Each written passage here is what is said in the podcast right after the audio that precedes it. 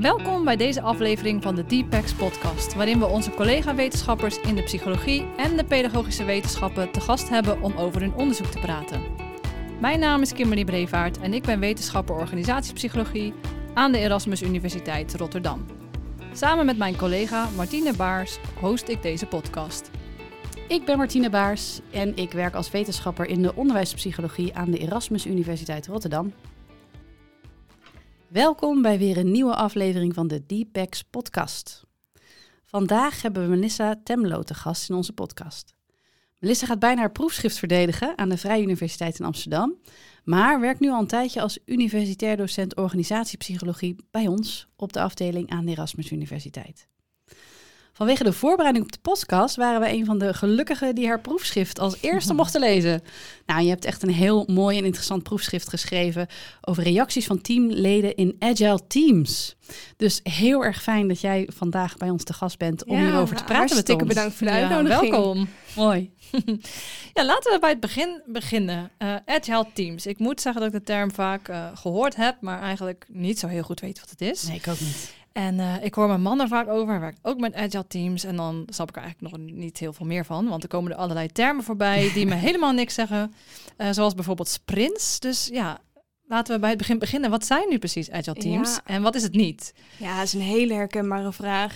er zijn heel veel verschillende definities en uh, formats uh, die uh, mensen zeggen. Maar eigenlijk is het heel simpel, want agile staat gewoon eigenlijk letterlijk voor wendbaarheid, lenig, flexibel zijn. En het is eigenlijk een soort van gedachtegoed die helpt voor teams, maar ook organisaties, om zich wat meer wendbaar te organiseren. Dus zo moet je het gewoon zien. En het komt eigenlijk vanuit de softwareontwikkeling. Okay. En uh, je ziet het nu eigenlijk ook steeds meer op andere afdelingen. Dus niet alleen maar op de softwareontwikkeling, maar ook uh, op de HR-afdeling en de finance-afdeling. En uh, dat agile werk is er dan eigenlijk dus op gericht dat je zo vroeg mogelijk een werkend product of een software of een dienst kan leveren aan de klant. En dat noemen we dan een minimal viable product. Aha. Ja, daar heb je weer zo'n weer zo'n ja. term. Ja, ja, ja. Die heb dus ik vaker je, gehoord. Dat had ik eigenlijk nog niet gehoord, moet nee? zeggen. Nee, nee. En als je dat vertaalt, dan is het dus een minima, minimum levensvatbaar product. Dus dat klinkt dan ja. als een allereerste versie van iets. Ja, eigenlijk klopt dat wel. Dus je kan het eigenlijk bijvoorbeeld zien als een, ehm, een bedrijf een, een app uh, lanceert. Dat de app dan de minimal viable product is. Dus de app wordt gelanceerd. Maar de teams, de agile teams, die zorgen ervoor dat er extra functionaliteiten elke okay. sprint worden toegevoegd. Aha. Is nog verder ontwikkeld. Ja, ja, ja. ja, en die sprints zijn dus eigenlijk dan die korte iteraties waarin die teams dus werken. Dus dat zijn dan periodes van twee tot vier weken. Waarin de teams dus aan die uh, uitbreiding van die functionaliteiten werken ja. voor dat minimal viable product. Oké, dat maakt al een heel stuk meer duidelijk. Ja, en dat is dus die cyclische werkwijze. Dat is dus echt heel erg typisch uh, voor agile teams. Met het idee dus dat de klant dan uh, regelmatig feedback krijgt. Ja. En uh, dat de teams die dan vervolgens weer kunnen toepassen om dat minimal viable product dus zeg maar uit te breiden. Ja. Dus die, die software die wordt dan dus echt super snel getest in de praktijk.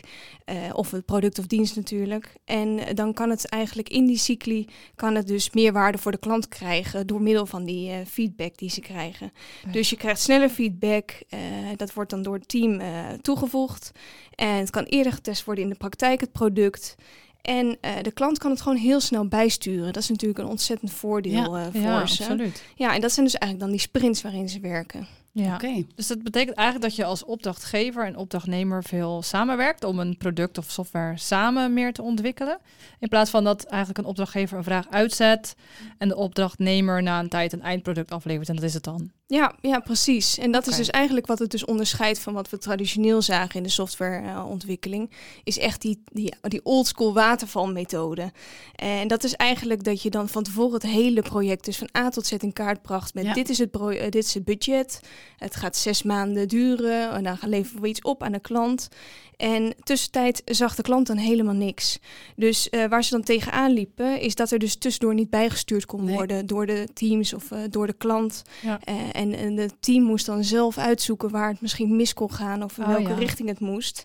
En dan zag je gewoon heel veel vertraging. Want ja, aan het einde Ja. had de klant dus niet wat ze wilde. Nee. En de budgetten werden overschreven, dus het eh, overschreden. Dus er werden heel veel nadelen ondervonden aan die projectteams. Eh, dus het is eigenlijk nu een soort van vaste structuur waarin we dus werken met dus die tussentijdse feedback. En dat de klant dus gedurende het hele proces eh, betrokken is. Ja, veel meer bij tijds eigenlijk ook eh, kan bijsturen daardoor. Ja, die hebben natuurlijk ook weer Ja. andere kennis eh, die je misschien als ontwik- ontwikkelaar niet hebt. Ja, ze hebben een hele scherpe eh, mening en visie over waar Ja. het heen moet voor de eindklant. En het team heeft dat inzicht vaak niet. Ja. Dus eigenlijk eh, kan je dat agile dus gewoon zien als een soort van paraplu-term, hè, waarbij eh, je verschillende methodieken hebt. En misschien hebben jullie wel eens van gehoord van Scrum. Dat is, Ja, dan, eh, ja, ja, dat ja. is dan de Geen meest voorkomende. ja, ja, ja. Het is een agile methode. Ja, Oké. dat is een agile methode, methode Ja. inderdaad. En dat is dus letterlijk wat de organisatie bijvoorbeeld implementeert. Hè? Dus eh, de Scrum teams. En dat zijn dus weer van die eh, zelforganiserende teams van meestal vijf tot negen teamleden. Oké. Eh, die eigenlijk cross-functioneel zijn, die teamleden. Dus dat betekent dat ze allemaal hun eigen technisch specialisme hebben. Eh, dus ze zijn binnen dat team dan ook echt zelf verantwoordelijk van A tot Z eh, voor eh, de planning, de werkverdeling, eh, hoe ze de voortgang bewaken, maar ook dat ze dus zelf het ontwerp doen, het bouwen en Ja. het testen. Dat gebeurt allemaal in één team, met dus het idee dat er geen andere teams aan te pas komen, omdat ze dus dat allemaal binnen hun eigen team kunnen, kunnen realiseren voor de klant. Ah, en dat ja. doen ze dan dus in die kleinere soort van taakjes, zonder dat er een hiërarchie is binnen Ja. het team. Dus er is niet iemand die dan daarin bijvoorbeeld nou ja, de, de lead neemt of de baas is, maar een team is in principe zelfsturend. Ja, er is inderdaad allen. geen manager. eh, die is vaak wat meer op, op afdelingsniveau als die er al is. Oh, ja. Eh, de teams eh, die eh, managen zichzelf eh, en hun eigen technische specialismes Ja. daarbinnen. Nou, mooi, dat linkt dus ook echt wel aan onderzoek naar zelfsturende teams. Ja, dat klopt Ja. helemaal. Alleen Ja. is deze dus wat meer eh, geformaliseerd ook rondom het werken in sprints. eh, Ja, cyclische werken, eh, bepaalde meetings die ze, die ze hebben. Ja. Ja. Ja, dat is wel heel goed om dat allemaal op een rijtje te hebben. Eh, want ja, het lijkt me ook wel weer heel ingewikkeld, als ik dit nu allemaal hoor, hoe je dat als team moet doen. Hè? Nou, in je proefschrift maak je een mooie metafoor met Newton's pendel om het belang uit te leggen van je onderzoek. Kan je eens kort uitleggen wat die metafoor nou precies inhoudt en wat het over jouw onderzoek zegt? Ja, ja, nee, dat klopt. Die heb ik inderdaad in mijn proefschrift gebruikt. Uh, Newton's pendel, misschien... Ja, de meeste luisteraars zullen het misschien wel kennen. Dat is echt zo'n ding wat, uh, wat uh, mensen op hun uh, kantoorbureau Ja. hebben staan. Ja. Ja, dat is zo. Ja, met van die pendels, dus uh, van die kleine balletjes die dan tegen elkaar aanhangen, vaak vijf. En het idee van het pendel is natuurlijk dat als je het uiteinde van een hoogte loslaat, dus één van die balletjes, dat die dan weer terugvalt op die andere balletjes en Ja. dat er dan een soort van beweging vrijkomt. Ja. En uh, die energie die dan vrijkomt, dat is dan eigenlijk uh, het idee dat, uh, dat er een reactie komt op een ander voorwerp. En, en eigenlijk kan je dat zien als een soort van metafoor voor het werken in teams. Hè? Dus Ja. er komt een energie, een reactie vrij als iemand tegen, er tegenaan botst. Ah, ja. Dat is een Klinkt wel heel mooie, spannend. eh, mooie metafoor. Ja, zeker. Ik denk dat dat spannend, dat ook vast wel nog meer over gaan horen, dat het spannende Ja. situaties oplevert. En heb je dat in je onderzoek als kern, eh, zeg maar, proberen te benaderen? Dat je Ja. kijkt hoe is dan de actie van de een van invloed op de reactie van de ander in zo'n Ja, team? het is precies dat, het actie-reactiedeel. Waarbij bijvoorbeeld, eh, stel je voor in het team dat er iemand eh, een, eh, besluit dat hij een taak niet wil uitvoeren. Of, of dat ze toch besluit niet te doen. Dan gaat dat vaak ten koste van de werklast van een ander. Omdat het vaak Hmm. dan binnen het team door een ander teamlid moet worden Ja, opgepakt. En, en je ziet dan dat dat een bepaalde reactie veroorzaakt bij het teamlid dat een verhoogde werkdruk krijgt, omdat een van de andere teamleden heeft besloten om die taak dus niet te gaan doen. Ja. Ja, maar dit is dan een geval natuurlijk waarbij het eigenlijk een negatieve reactie oproept Ja. van, de, van de teamleden. Eh, maar je kan je ook natuurlijk eh, bedenken dat, eh, dat, het dan, dat het dan minder soepel gaat, dat, die pendel. dat je dan Ja. eigenlijk een, een stilstand krijgt van die balletjes, omdat er dus een negatieve reactie vrijkomt Ja, door dat gedrag. Dus dat, dat zorgt ervoor dat het team tot stilstand komt. En dat link ik dan ook bijvoorbeeld weer aan de prestatie van het team, dat eigenlijk dan eh, gehinderd wordt. Ja. Uh, maar je kan het natuurlijk ook anders zien. Hè? Ik bedoel, het kan natuurlijk ook een positief voorbeeld zijn waarbij je eigenlijk ziet dat er een positieve bijdrage komt van een teamlid. Uh, dat ze het idee hebben van, oh, hier hebben we als team echt iets aan. Daar kunnen we iets mee. En dan zie je dat die positieve reactie eigenlijk een soort van kettingreactie in stand stelt, waarbij je eigenlijk echt een energie en beweging vrijkomt Ja. in die pendel. En, en dat kan gewoon echt positieve invloed hebben op de prestatie van het team. ja, dan zou het juist inderdaad beter gaan. Als Ja, het inderdaad een positieve, ja, mooie metafoor. Heel Ja, mooi, ja. Helpt En- heel en- goed om het te begrijpen. Absoluut, ja. En die reacties van, van teamleden op elkaar, nou, zoals je net eigenlijk al zei, die kunnen dus zowel eh, negatief als positief zijn.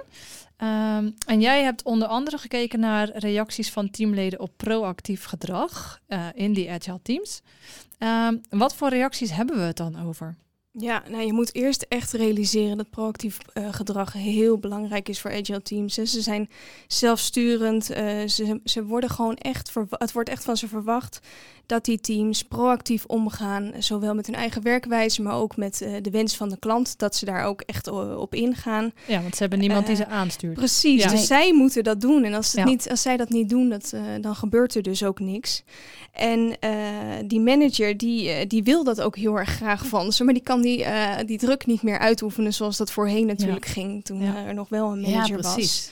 Ja, en, en wat je eigenlijk dan ziet vanuit eerder onderzoek naar proactief gedrag, is dat eh, het dus echt steeds belangrijker wordt dat eh, de mensen hun eigen werk vormgeven en dat ze proactieve veranderingen doorvoeren, die eigenlijk het functioneren van het team kunnen verbeteren. Is een soort van nieuwe vorm van proactiviteit. Oh ja, dus in plaats van proactief gedrag van één individuele werknemer hè, op zijn of haar eigen eh, werkomgeving te veranderen, kijk je naar proactief gedrag van een werknemer dat gericht is op het veranderen van teamprocessen. Ja, precies. Ja, dus dat eh, noemen we team member proactivity, waarbij er dus eigenlijk wel één iemand binnen het team met een proactief initiatief komt, wat ten gunste komt, hopelijk, eh, van het functioneren van het, hele team. Ja, ja. En kan Ja. je dan zo'n voorbeeld geven? Wat is dan zo'n proactief initiatief?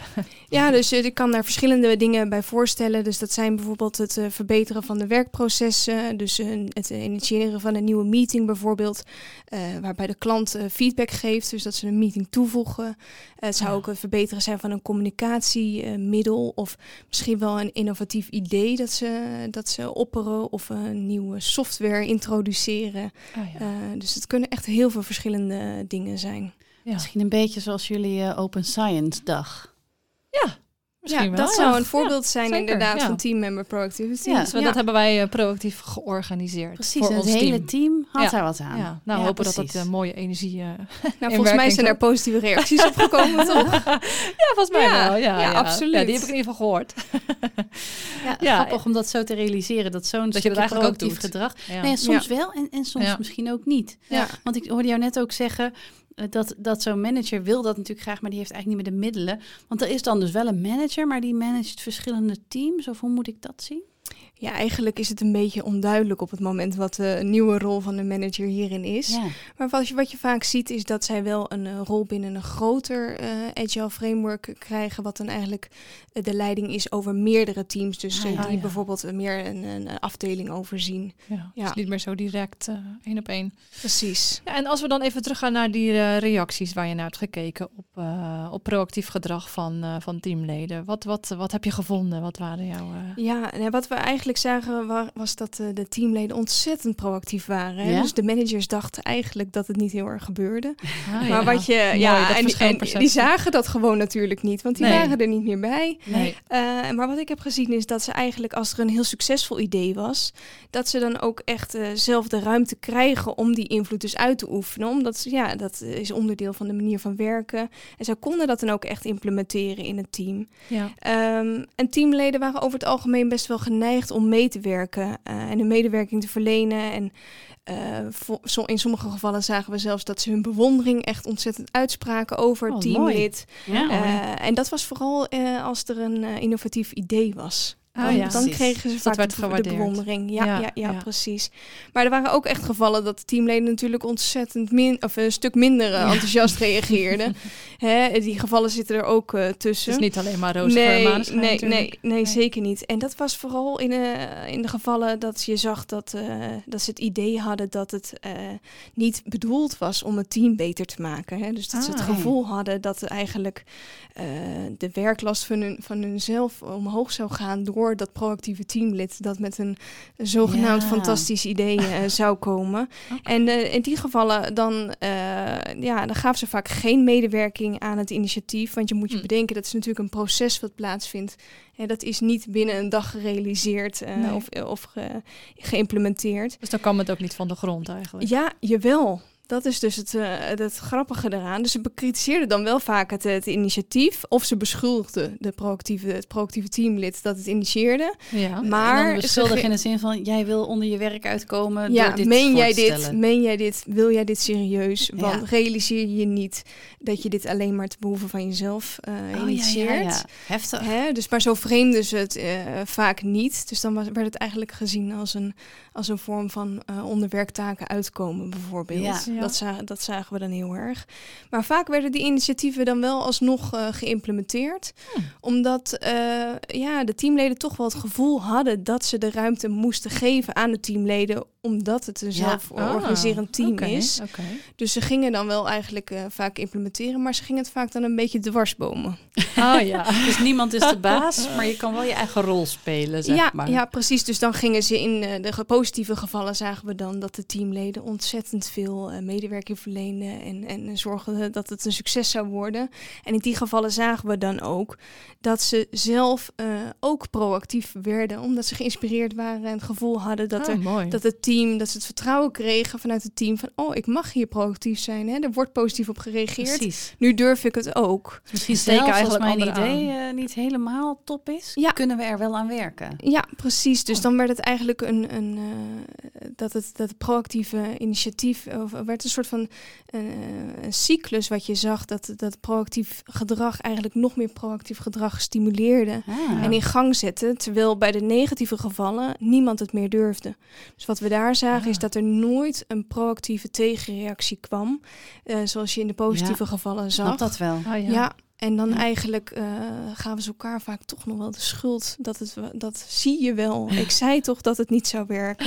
Oh, en ja. vaak heeft dat ook implicaties natuurlijk voor de, voor Ja. de prestatie van het team. Maar ook eh, ja, wat de, de klant daarvan merkt. Ja. Ja. Ja, precies. Interessant inderdaad dat als dat proactieve gedrag goed wordt ingezet en goed wordt opgepakt, dat dat tot meer proactief gedrag leidt, wat uiteindelijk ook natuurlijk dan voor de prestaties goed is, maar dat het dus ook wel mis kan gaan als het niet Ja. eh, goed wordt opgepakt. Ja, en het idee daar is dan dat de reactie heel erg Ja. bepalend is. Ja, Eh, dus hoe reageren je teamleden eigenlijk? ja.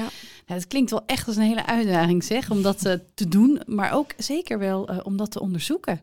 Want ja, in je onderzoek ben je daar natuurlijk ontzettend veel mee bezig geweest, echt de diepte ingegaan. Maar hoe doe je dat eigenlijk? Hoe onderzoek je nou teamleden en hun reacties op elkaar? En ja, hoe gaat dat in zijn werk? Ja, dat is toch minder makkelijk dan het eh, misschien lijkt. nou, dat klinkt ook al vrij uitdagend. Hoor. Ja, ja. Ja, nee, voor mijn promotieonderzoek heb ik eh, bij twee organisaties eh, meerdere maanden een aantal agile teams gevolgd en echt ja. meegelopen. Maar dat was dus nog eh, voor corona ja, en de real ja, life ja, was tijd. nog Oké. precies voor corona, dus dat kwam fijn. ontzettend goed uit. Ja, Ja, ja, had ook zeker. eigenlijk niet anders gekund, Nee, Eh, nee. want eh, dan krijg je toch ontzettend andere dynamieken Ja, mee. precies. Ja. Ja. Ehm, en dus het waren eigenlijk allemaal agile teams van de, de IT-afdeling. En ehm, vijf maanden bijvoorbeeld heb ik drie teams gevolgd bij een eh, energienetwerkbedrijf. En later tijdens mijn eh, promotieonderzoek heb ik nog 18 maanden een afdeling van vijf eh, agile teams. Eigenlijk die zo, samen op een afdeling werkten. eh, bij een Nederlands energiebedrijf heb ik die gewoon gevolgd. anderhalf jaar. Anderhalf jaar, ja. Ja, ja, Zo. ja, Heel klopt. intensief Ja, dus meerdere dagen per week eh, kwam ik daar dan over de vloer. Ja. En eh, was ik gewoon onderdeel eh, van, het, eh, van het werk daar. Ja. En, en wat je dan eigenlijk zag, is dat ik eh, aanwezig was bij al hun meetings. En ik was gewoon eh, onderdeel van Ja. het kantoormeubilair. dus ik zat daar gewoon, eh, eh, terwijl zij aan het werk waren. Ik ging naar alle meetings, ik ging mee lunchen met ze. Eigenlijk alles wat zij deden, ging ik, ging ik mee. En dat, dan krijg je echt wel een goede indruk hoor, van die, van die teamdynamieken. Ja, maar dat ook wat ze voor de klant leveren. En, en hoe ze dat samen doen, hoe ze samenwerken, hoe ze tegen elkaar praten, hoe die communicatie gaat. Dus ja, dit zouden we eigenlijk shadowing no- noemen in het kwalitatieve Ik onderzoek. snap het. Het is Ja, ook echt ja. wel een beetje schaduw inderdaad. Ja. Absoluut. Ja. Ja. Ja, en als je zo lang meeloopt, op een gegeven moment hebben mensen ook helemaal niet meer zo door, denk ik, Nee, Ja. dat je dat aan het doen bent. En Nee, hoe verzamel klopt. je dan precies je data? Want je bent er natuurlijk, je zit in de situatie. En hoe kun je zorgen dat je daar dan ook nou ja, je indrukken vastlegt? Ja, nee, de- tijdens dat shadowing, eh, zoals we dat dan eh, noemen inderdaad, is, maak je echt van die intensieve notities. Dus dat zijn eh, veld, field notes, zoals we dat noemen. Maar ik, ehm, ik interviewde de teamleden en de managers ook over wat er speelde in de teams. Dus ik kon eigenlijk echt een goede indruk krijgen van dat proactieve gedrag. En ik kon ook gewoon goed observeren Ja. tijdens die meetings, want ik nam de meetings vaak ook op, zodat ik ze kon terugluisteren. En dan kon ik echt kijken hoe gaat het gesprek, hoe verloopt dat. En dan Ja. achteraf de vraag stellen van, hey, ik merkte dat jij zo en zo reageerde. Hè? Wat, wat bedoelde je daarmee? Of hè, hoe vind je dit nou eigenlijk echt? Ook een combinatie van wat zag je, wat maakte je mee. En Klopt. een interview waarin je nog de diepte in kon gaan van je zei dit. Eh, leg eens uit. Want dat is ja, Ja. denk ik ook wel heel interessant om dat dan te horen van een individueel teamlid na ja, zo'n precies. meeting. Zeker. En dat zijn eigenlijk gewoon vaak de, de gesprekken in de gangen. Hè? Dus dat Ja, zijn ja, niet de officiële... koffie, in- eh, koffiezetapparaat. Ja, ja, dus ik had heel veel koffiegesprekjes eh op de gang en eh, met Ja. verschillende teamleden. Ja, Ik kan me wel voorstellen dat ze ook van die gelegenheid gebruik zouden willen maken. En jij als expert die daar dan eh, ja, een soort van als objectief iemand naar kijkt. wat Ja. jij ervan vindt. En, eh, maar ja, dat beïnvloedt Ja. natuurlijk je onderzoek. Dus dat kan dan denk ik niet. Nee, nee. Mijn eh, het doel als onderzoeker was natuurlijk echt dat ik eh, eh, objectief een oordeel kon vellen Ja, over de teamdynamieken. precies. En als ik daar maar te, te veel mee zou bemoeien, dan zouden we natuurlijk een eh, ja, bevooroordeeld impressie krijgen of zou ik het kunnen sturen. Mhm. Ja. Dus eigenlijk als zij mij ook vroegen om een mening of eh, hè, wat, ze, wat, ze, Ja. wat vind je er nou van? Hè? Eh, je, je kijkt er op een bepaalde manier naar. Hè? Jij ziet het gebeuren. Hoe zou jij dat nou, eh, wat vind je er nou echt van? En dan zag je eigenlijk dat ze eigenlijk wel afleerden om dat soort dingen te vragen. Om, Omdat jij dat dan... Nee. Ja, ze raakten zo aan me gewend. deed. Ik gaf Ja. toch geen antwoord. Het is natuurlijk anderhalf Ja. jaar. Als je natuurlijk Ja. een, een paar weken of maanden... In het begin voelen ze zich best wel bekeken, dus daarom Ja, moet je ook een langere periode. Ze moeten, ze moeten echt aan je wennen. En Ja. na, na Ja. twee maanden of zo hebben ze eigenlijk niet meer door dat je er zit of Nee. eh, wat je doet. Ah, best Oh. knap ook dat je Ja. dat kan. Want ik kan me voorstellen ook dat je erg geneigd bent op een gegeven moment om ja, een soort van tips En je raakt involved. Je ja, wil- Ja, natuurlijk. het is heel Ja. moeilijk inderdaad om niks te zeggen. Ja, ik, ik vind er vaak wel iets van natuurlijk. En dat mag ik niet delen. Nee. Maar, dat mocht je het wel achteraf delen? Of eh, heb je ze achteraf geïnformeerd? Je bedoelt over het onderzoek. eh. Ja, van wat je, wat je, ervan, wat je hebt gevonden. Ja, nee, het was natuurlijk heel erg moeilijk, want de teamleden wisten eigenlijk niet precies wat ik daar kwam Nee, onderzoeken. oh ja. hè? Want we Ja. moesten natuurlijk een beetje geheimzinnig blijven. Ja. Dus ik kwam iets met teams en de teamdynamieken. En, en, ik, en ze wisten ook wel inderdaad dat ik, dat ik keek. ja, naar dat, hoe en ze dat met moet elkaar natuurlijk geheim, omgingen. geheimzinnig blijven, omdat ze anders te veel weten van het doel van het onderzoek en dat Precies. kan beïnvloeden. Ja, niet omdat je dat Ja, omdat klopt. je een soort geheime spion bent, maar voor het doel van het onderzoek. Ja, Ja, nee, achteraf kon ik daar wel ook over delen. Dus ook bijvoorbeeld tijdens workshops eh, in het managementteam kon ik daar wat meer over delen. Ja. Ook om eh, de anonimiteit van de teamleden wat te garanderen. Ja, Want ik heb natuurlijk ja. wel hun gedrag eh, geobserveerd. Zeker. En eh, dan zou je daar wat meer een algemene impressie over willen delen met het managementteam. Ja. Dus in de zin van het rapporteren, zowel voor, voor het onderzoek, voor de wetenschappelijke output, maar eigenlijk ook naar de bedrijven en organisaties toe, zorg je dus dan e- eigenlijk altijd voor dat de identiteit van Ja. de participanten eigenlijk niet meer terug te vinden Ja, is. en vaak is het wel lastig om de identiteit van de teams. eh, Ja. Oh ja. eh, ja, want vaak valt het nog wel terug te herleiden. Ja. Omdat Ja. er bepaalde incidenten hebben plaatsgevonden of Die alleen bepaalde daar. werkzaamheden. Ja, ja, ja. Goed, dat dan is kunnen ze daar ook wat mee natuurlijk. Precies, dus dat is vaak wel dan ook wel aan. nodig. Maar dan kunnen Ja. ze niet bepaald individueel gedrag of eh, Nee. conflicten terug Nee. herleiden naar individuele teamleden. Nee, precies. Nou, Nee. zeker uitdagend. Nou, Anderhalf heel jaar lang. En Dat ja, is eh, echt. ik eh, ga mijn eigen eh, dataverzameling ineens een stuk meer waarderen. Ja, het is een behoorlijke Dat vind ik uitdaging. soms al uitdagend, maar dit eh het is wel ontzettend leuk om te doen. Het ja, dat kan ik me wel voorstellen. Ja. Ja, zeker. Ja. Ja. en terwijl je dus, eh, nou ja, als een schaduw meeliep eigenlijk Ja. eh, met de teams, heb je ook onderzocht op welke momenten bepaalde teamprocessen nu precies relevant zijn of juist niet relevant zijn. Eh, en die timing, ja, dat lijkt me heel belangrijk eh, als je met korte sprints werkt. En wat waren eigenlijk jouw conclusies? Wat heb je gevonden? Ja, nou, bij een van die organisaties, eh, de verzekeringsmaatschappij, heb ik eh, heel veel dagstarts eh, bijgewoond. Dus dat zijn de, de Agile Scrum meetings, eh, waarbij ze eigenlijk eh, staan, staand de dag doornemen aan Toch het begin typisch, typische van de beeld dag. wat ik ervan heb. Ja, ja, ja, ja, Ja. dat klopt wel. Alleen Ja, is dat dagstarts staan kennen is we niet echt per se een vereiste, maar dat is wel wat, ze- wat ze Want het heet doen. soms toch ook een stand-up? Ja, precies. Ja, ah, precies. oh, Ja. vandaar. Ja, ja, Ja. ja. Dat zouden wij ook moeten doen, joh. Ja, Nou, nou, nou, het is best Gewoon wel lekker. koffie en Ja, verder een niet. kwartier is prima inderdaad. ja. Dus dat zijn eigenlijk de, de, de meetings aan het begin van de dag. Hè. Ze komen binnen, wat eh, gaan we voor werk plannen, we de, de taken coördineren, Ja. de, het, Ja. het verdelen van de werkzaamheden voor die dag. En dat is elke dag. Ja, dat is elke dag inderdaad. En eh, die duren dus eh, echt een kwartier. En daar- daarna is iedereen ook echt wel op de hoogte van wat gaat iedereen doen, wat is er allemaal gebeurd gisteren, wel, Oh, ja. hoe staan we ten opzichte van de doelen die we voor deze sprint eh, hebben gesteld. En eh, ja, omdat iedereen een eigen technisch specialisme eh, heeft binnen het team, is dat natuurlijk ook ontzettend belangrijk. Omdat ze zo ja, afhankelijk zijn van elkaars werk en, en, Ja. en welke taken er gedaan moeten worden. Ja. Eh, want eh, het ontwerp moet, eh, of de, de software moet eerst ontworpen worden door de ontwerper en vervolgens pas, kan het pas gebouwd worden. Dus Oh, ja. ze worden echt als een soort van estafette aan elkaar doorgegeven. Van, Ja, de een A kan tot pas Z. verder als de ander iets af heeft. Precies, dus ze moeten heel erg op de hoogte zijn van wie is waar, wie is waar mee bezig. En hoe ver zijn we? En kunnen we het na twee tot vier weken wel opleveren, dat Precies, minimal viable ja. product, aan Ja. eh, de klant met de nieuwe functionaliteiten. Ja. Ja. precies. Dus daar hebben we eigenlijk eh, in dit onderzoek hebben wij dus gekeken naar eh, de effectiviteit van deze meetings, van die dagstarten. En vooral door te kijken naar welke teamprocessen ze daar bespreken. En eh, wat we eigenlijk weten is eh, uit bestaand onderzoek over teamprocessen, is dat het ontzettend belangrijk is dat teams zich in het begin bezighouden met het bepalen van de taken en het plannen van het werk. Ja, Met het idee dat ze dan dus later in de sprint eh, kunnen gaan praten over het coördineren, het monitoren, hè, liggen we op schema.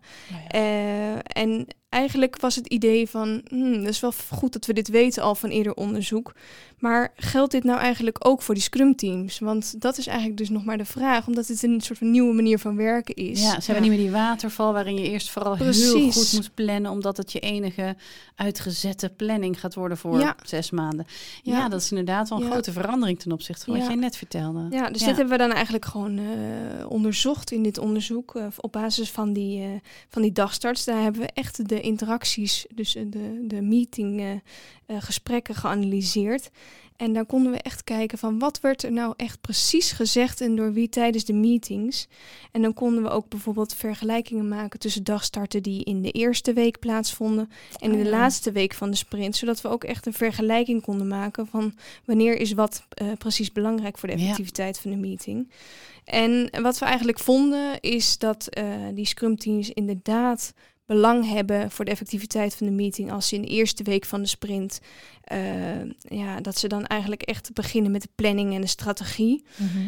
Maar wat we ook zagen is dat eh, de dagstarts veel effectiever waren in de laatste week van de sprint, als de teams dan nog niet eh, volop bezig waren met het coördineren en het bepalen wie welke taken doet. Dus Ja. eigenlijk Dus aan eigenlijk het eind van die sprints was er dan meer output, om het zo te zeggen. Er, er was al meer resultaat. Het, het idee is natuurlijk dat er, eh, dat er aan het einde van de sprint niet meer te veel nadruk gelegd wordt op het coördineren of Ja, het monitoren. Dat dat dan al loopt. Omdat het dan eigenlijk al zou moeten lopen. En Ja. dat is dus eigenlijk tegenstrijdig met eerder onderzoek, waarin we dus echt dachten van dan wordt het pas belangrijk om te coördineren en te monitoren. Maar dat Ah. geldt dus eigenlijk helemaal niet voor die scrum teams. Omdat ze dan ja, eigenlijk misschien nog wel achter de feiten aanlopen. Eh, het is, ja, wat, hoe wij het verklaren in het onderzoek is dat we echt denken dat het een stressreactie van teams is. Van als je dat soort dingen nog bespreekt, dus coördineren, monitoren, wie gaat wat doen, is het gewoon te laat in de Ja, laatste ja. week van de sprint. Dus Ja. dat is eigenlijk een soort van achter de feiten aanlopen. Een confronterend resultaat misschien ook voor sommige teams, kan ik me voorstellen. Ja, ja, want je verwacht dat dat logisch is. Ja, Uh, maar eigenlijk is het dus belangrijk ook om die gesprekken iets naar voren te halen in, eh, in de sprints. En niet Ja. daar te lang eh, mee te wachten. Plannen, sprints zijn natuurlijk ook heel kort. Ja. Dus dan, ja, dan alles wat je er normaal meer, meer tijd voor hebt, heb je dan natuurlijk ook minder tijd Ja, voor. precies. Ja. Dus eigenlijk moet je daar ook niet te lang mee wachten. Hè. Dat, Nee. dat coördineren moet echt al veel eerder. Helemaal omdat al die teamleden natuurlijk erbij betrokken moeten worden om het van A Ja. tot Z Ja, voor de klant eh, af te maken binnen de sprinttijd. Want het Ja. geeft best wel een, een, een druk natuurlijk voor teamleden. Hè. Die Ja. deadline Ja. elke keer weer. ja, ja. eh, de deadline is natuurlijk wel scherp, ja. Ik zie ook een duidelijke relatie met het opzetten en uitvoeren van onderzoek hier. Ja, eigenlijk wel. Ja, Ja, hè? ja. Ja, dat, zal voor jou ook heel erg hebben gespeeld. Dat je voordat je zo Ja. de praktijk ingaat, heel goed moet weten wat je wil, Ja. hoe je dat coördineert, hoe je het monitort. Ja, en het dat, is eh, ontzettend lastig, want je weet van tevoren Ja. niet wat je gaat zien of vinden Nee, in de teams. Precies. Ja. Dus eh, dat is eh, in tegenstelling tot wat meer Ja. kwantitatief onderzoek Ja. heel erg lastig om van tevoren Ja. te plannen en Ja. vast te leggen. Dus het is veel meer schakelen. Eigenlijk is het veel meer iteratief werken. Ja. Ja. Ja, Ja. Ah, dus heel belangrijk wat onderzoek dan wat jij doet. Hè? Van, eh, het is nog dus zo makkelijk nog niet. En wat leren we hier Nee. nu van? En hoe kunnen Scrum teams hiervan leren? Wat kunnen ze dan juist wel doen en Ja. wat niet? ja, want ik ging er bijvoorbeeld in om te kijken naar proactief gedrag in die teams. Maar Ja, we wisten eigenlijk helemaal niet of dat er wel was. Dus we moesten Oh, ook echt tijdens die observaties ja, erachter komen. Dat is wel degelijk proactief waren in het belang van het team. ja, ja, mooi. En ook mooi dat je dat op die manier zo kan laten zien. Juist met het type onderzoek wat je gedaan hebt, hè, het kwalitatief onderzoek. Dat dit, eh, dit soort processen, dit soort gedrag voorkomt. En wat er dus inderdaad heel werkzaam en efficiënt lijkt. En wat er dus wellicht minder eh, handig is. Ja, mooi. Ja, heel mooi. Ja, ja we zijn alweer eh aan het eind. Je kan waarschijnlijk nog veel meer vertellen als je teams anderhalf jaar hebt geobserveerd. Absoluut. maar dan kunnen, men, kunnen we mensen verwijzen naar jouw proefschrift en de verdediging die er aankomt, denk ik. Zeker. Ehm, en als we nou even afsluiten, wat, wat zijn dan eh, drie tips die jij hebt op basis van jouw onderzoek voor organisaties, voor mensen die in en, eh, agile teams werken, voor onderzoekers, nou ja, noem het maar op.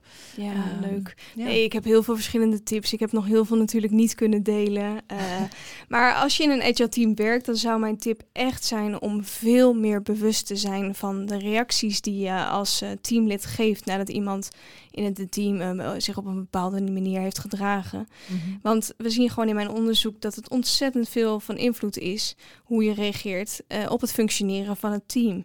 En die positieve reacties vooral eh, voor het verbeteren van het team en het functioneren van het team, die kunnen ontzettende positieve spiraal geven, eh, die, waar agile teams echt van kunnen Ja. profiteren. Mooi. Dus teamleden moeten elkaar echt gewoon meer het vertrouwen en de steun geven om eh, zich op een pro- proactieve manier te gedragen, om bepaalde teamprocessen te bespreken. Ehm, want als ze daar de ruimte voor krijgen en het vertrouwen hebben om zich, dat ze het idee hebben dat ook teamleden zich eh, gaan helpen bij het implementeren van die proactieve initiatieven, dan kunnen ze veel beter gaan samenwerken en kunnen ze op een proactieve manier gewoon hun samenwerking eh, verbeteren. Ja, mooi. Ja, lijkt me een hele goede tip. Ja, maar je zou natuurlijk ook kunnen zeggen dat er voor onderzoekers natuurlijk nog wel een, eh, een belangrijke rol is hier. Dus dat zou dan mijn tweede tip zijn. Is dat eh, op dit moment eigenlijk echt de reacties van deze teamleden een beetje genegeerd wordt op het moment in, eh, in het onderzoek. Ja, Dus huidig onderzoek gaat echt gewoon vooral over individueel gedrag binnen een Ja. team. Dus dat, daar Ja. zijn we wel heel erg bewust van.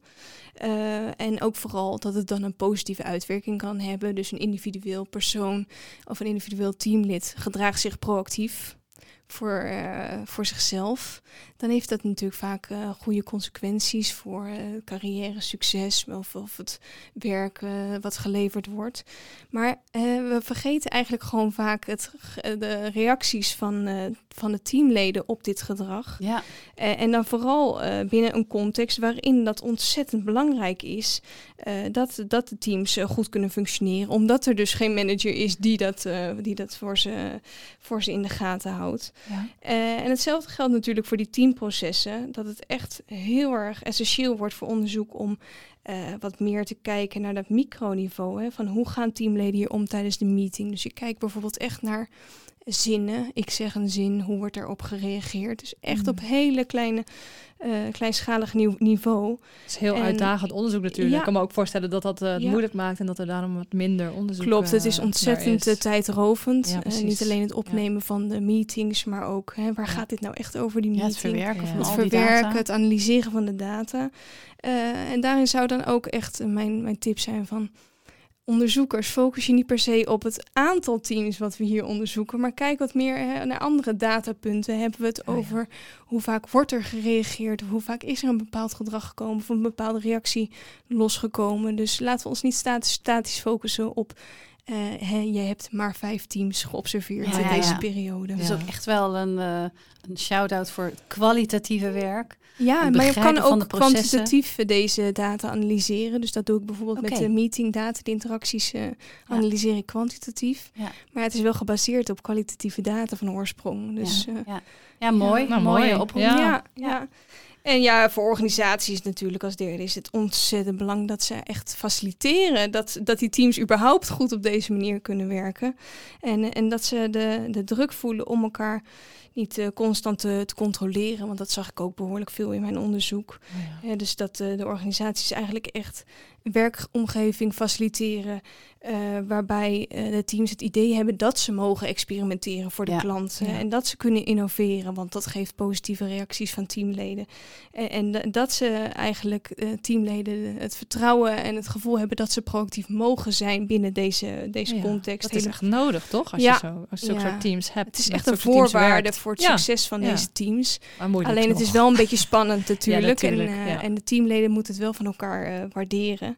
Dus het, eh, het gaat er eigenlijk echt om dat we die regels niet zo letterlijk nemen van het agile werk. Hè? Dus die Nee. agile methodes.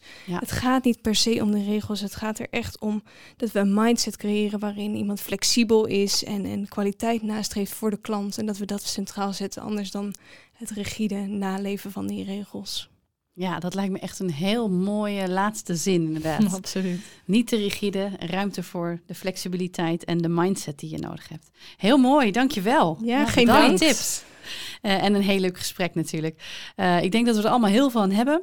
Eh, en eh, ja, nog één vraag eigenlijk voor jou, Melissa. Wat is jouw tip eigenlijk om eens een andere podcast te luisteren? Oeh, Aan ja. onze luisteraars, wat luister je zelf bijvoorbeeld Ja, graag? ik ben dol op podcasts eigenlijk. Mooi, En, mooi. eh, En nou, dan ik- komt er een lijst ja. met tips. Ja, ik heb wel een lijst. Maar welke ik recentelijk geluisterd heb, is eh, de podcast eh, Bad Blood, eh, Final Chapter. En dat is eigenlijk over een eh, journalist die het proces van Elizabeth Holmes, de, vrouw, de fraudeleuze Ja. vrouw, eh, heeft eh, Ah. gevolgd. En eh, het is wel een Engelse podcast, wel belangrijk om te weten. Maar het is ontzettend eh, interessant en integrerend en vooral shocking om te luisteren. Kijk, Ja, schrijf hem op. Ja, Ja, ik heb nou. echt al wat eh, tips geluisterd van onze Ja, gasten. leuk, hè? Dat is heel leuk. Ja. Nou, Ja. bedankt voor deze Dankjewel. tip. Klinkt heel spannend. Ook aan onze luisteraars ontzettend bedankt voor het luisteren naar weer een nieuwe aflevering van de Deepex podcast. Je vindt deze en andere afleveringen in de serie op je favoriete podcastplatforms en hopelijk tot de volgende keer.